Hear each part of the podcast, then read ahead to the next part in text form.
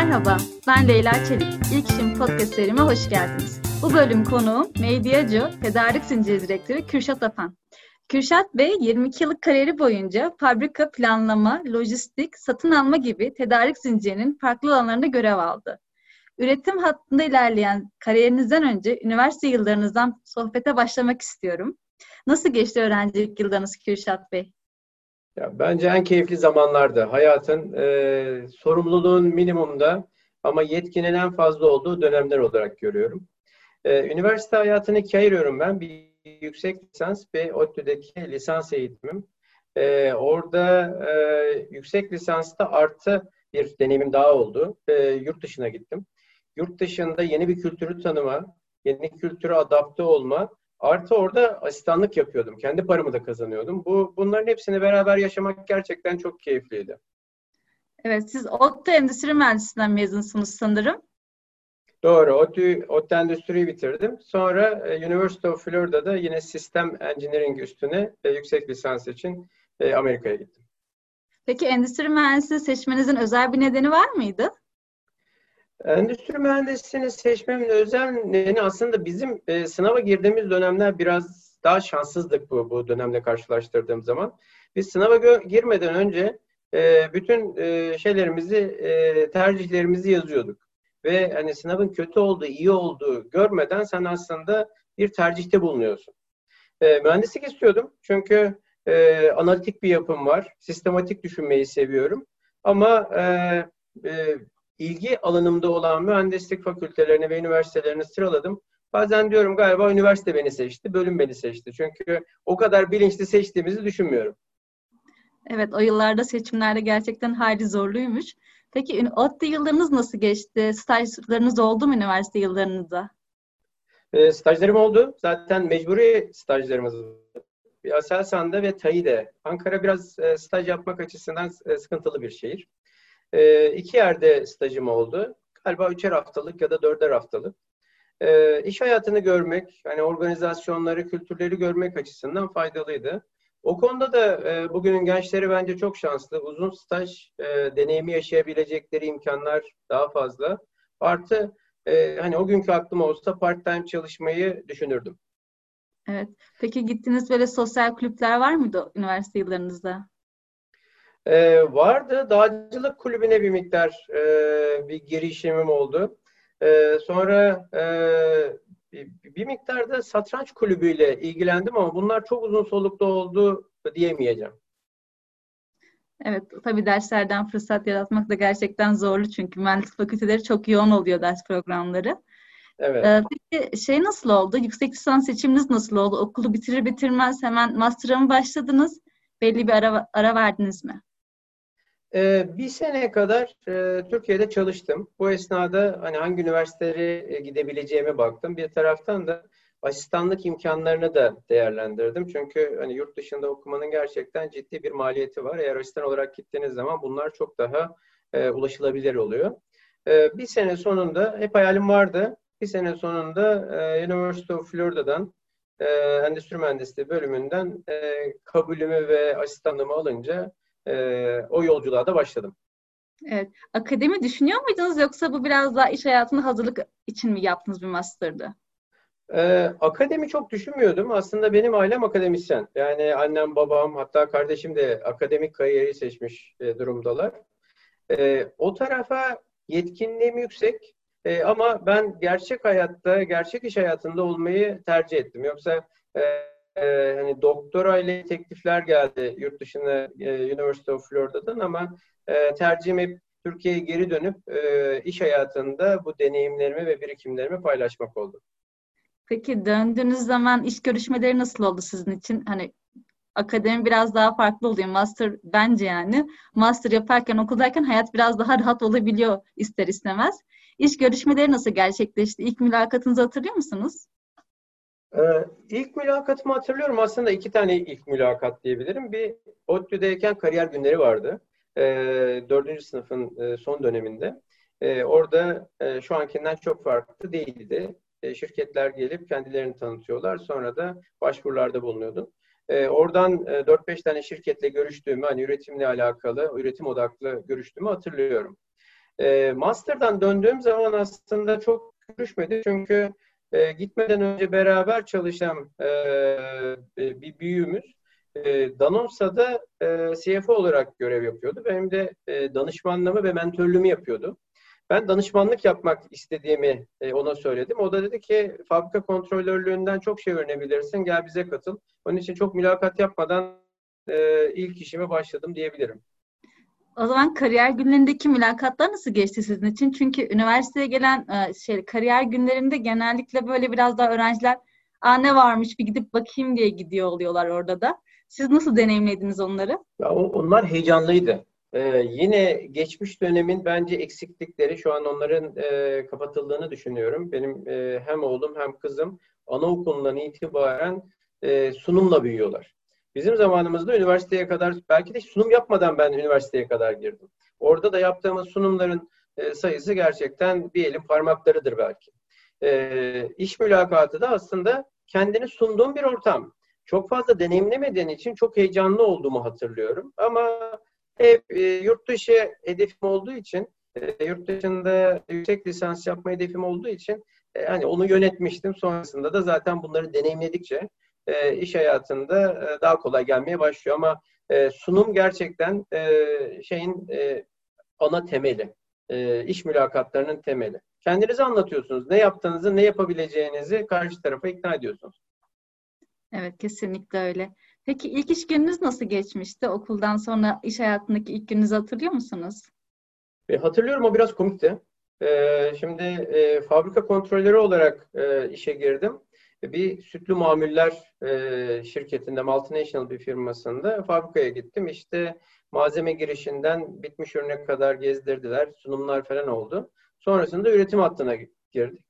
Biz e, o zamanlarda kaymaklı yoğurt böyle e, tradisyonel yoğurt üretimleri bayağı revaçtaydı. O hatta girdim böyle kendimi süt saunasına girmiş gibi hissettim. Bir de hani e, kravatlı takım elbiseli girmişim. Hani kendimi gerçekten kötü hissettim. Hani nereye geldim diye e, düşünmedim değil. Sonra da akşam eve gidene kadar zaten kendime buram buram süt kokuyordum. E, ilk iş günümden hatırladığım budur. Evet, peki fabrika ortamı, siz herhalde ilk işinizden sonra fabrika ortamında çok zaman geçirdiniz ve orada çok zaman harcadınız. O zamanlar nasıl geçti? Çünkü fabrika biraz daha farklı bir iş ortamı sunuyor insanlara. Nasıl deneyimlediniz bunları? Ben fabrika ortamını her zaman çok sevdim. Çünkü o orası yaşayan bir e, organizma. E, ben yaşayan şeylere dokunmayı çok seviyorum. İlk işim aslında finans tarafındaydım ben. Fabrikaları kontrol ediyordum. Fabrikaların finansları, finansal raporlamalarına destek oluyordum ve fabrika yönetimiyle e, ortak projeler geliştirmeye çalışıyorduk. E, sonrasında e, baktım asıl işim bu olması lazım. İki sene sonra e, kontrol ettiğim fabrikalardan bir tanesinin fabrika müdürü oldum. Sonrasında da operasyon hayatından bir daha e, uzaklaşamadım. E, fabrika gerçekten bir e, canlı seni çekiyor e, orada bir şeyler üretiyorsun. E, hatta bazen e, şey bile düşünürüm. O ürettiğimiz ürünler bizim bebeklerimiz. Hani onları bebek gibi koruyoruz, kolluyoruz. E, son noktaya kadar ürettiğimiz kalitede ve e, özenle gitmesini sağlamaya çalışıyoruz. O zaman aslında sizin kariyerinizde biraz başta tedarik yoktu. Siz sonrasında tedarik tarafına geçiş sağladınız diye anlıyorum. Ee, şöyle oldu. Ee, ben ben her zaman e, böyle farklılıkları seven bir e, karakterim oldu. E, finansta başladım. Sonra fabrika yönetimine geçtim. Fabrika e, önce e, Danonsa, sonra Pepsi'de 3 sene kadar fabrika müdürlüğü yaptıktan sonra e, farklı ne yapabilirim? E, kendimi nasıl geliştirebilirim diye düşündüm. Bunlar hani sen düşünüyorsun ama aynı zamanda yönetimin de seni takdir ediyor olması da çok önemli. E, oradan tedarik zincirine geçtim. Planlama ve lojistik müdürlüğü pozisyonuna geçtim ve e, böylece resmin tamamını görmeye başladım. Yani e, olduğun yerde durmamak e, bence kariyer için olmazsa olmaz. Peki Kürşat Bey böyle bu uzun yıllar içerisinde sizi şaşırtan olaylar oldu mu ya da ilk iş zamanlarınızdan bugüne kadar baktığınızda başınıza gelen böyle komik hikayeler oldu mu? E, muhakkak. E, mesela bir tane e, örnek verebilirim. E, bu herkese kendin gibi düşünmeye çok düşünmemen gerektiğini e, bana öğreten e, örneklerden bir tanesi. E, içecek fabrikasında e, tedarik zincirini yönetirken uzman olarak çalışan e, çok başarılı bir kadın çalışanımız vardı. Satışla arası çok iyi, e, rakamlarla arası çok iyi. Herkes seviyor. Yani e, bütün kademedeki arkadaşlar seviyor ve herkes onun yükselmesi gerektiğini düşünüyor. E, bu kariyer süreçlerinde ben de onu e, destekledim. E, kabul de edildi. Yani onun müdürlüğünün e, artık anonsu yapılacak. Ben de gittim ona e, yanına gittim. İşte konuşabilir miyiz dedim. Bunu mutlu bir şekilde anlatmaya gittim aslında. Diyeceğim ki sen müdür oldun. Bak altında bu arkadaşlar var. Artık hani e, daha büyük e, challenge'lara doğru koşacaksın. Ona söyledim. İlk önce böyle duraksadı. Dedi ben bu hayatımdan memnunum. Ben müdür olmak istemiyorum dedi. Bir, bir şok yaşadım orada. Şimdi ben kendi işimi ne güzel yapıyorum dedi. Şimdi başkalarının yaptığı işleri iyi yapmazlarsa ben onlar için daha çok mu çalışmam gerekecek acaba dedim. Ee, hani bir, bir afalladım ve şey diye düşündüm. Bak dedim herkes senin gibi düşünmüyor. Bana gelmiş olsa direkt hani bunun üstüne atlardım. Ama e, inandığımdan da hiçbir zaman geri adım atmamışımdır.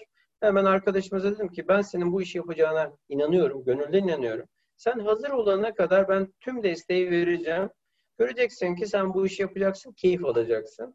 O arkadaşım halen planlama müdürlüğünü çok başarıyla yönetmektedir ve hani e, bir, bir ay sonra bütün pozisyonun e, hakkını vermeye başladı. Ne güzel bir hikaye. Aslında insanlara inanmanın ne kadar önemli olduğunu da gösteriyor. Geçmişteki hayallerinizi bugünden baktığınızda gerçekleştirdiğinizi düşünüyor musunuz? Ee, şimdi her dönemin hayalleri bence farklı. Ee, ve e, senin bilinç e, düzeyinle ve olgunluğunla da bunlar şekilleniyor diye düşünüyorum. Yani mezun olduğum zaman e, daha böyle yüzeysel işte terfi edeyim, daha büyük organizasyonlar şey yapayım, beni görsünler, beni bilsinler gibi hayallerim vardı. E, iş hayatına girdikten sonra, evlendikten, e, çocuklarım olduktan sonra bunlar biraz daha ayakları yere basmaya başladı. Niye? Çünkü işle e, özel hayatı dengelemek gerekiyor.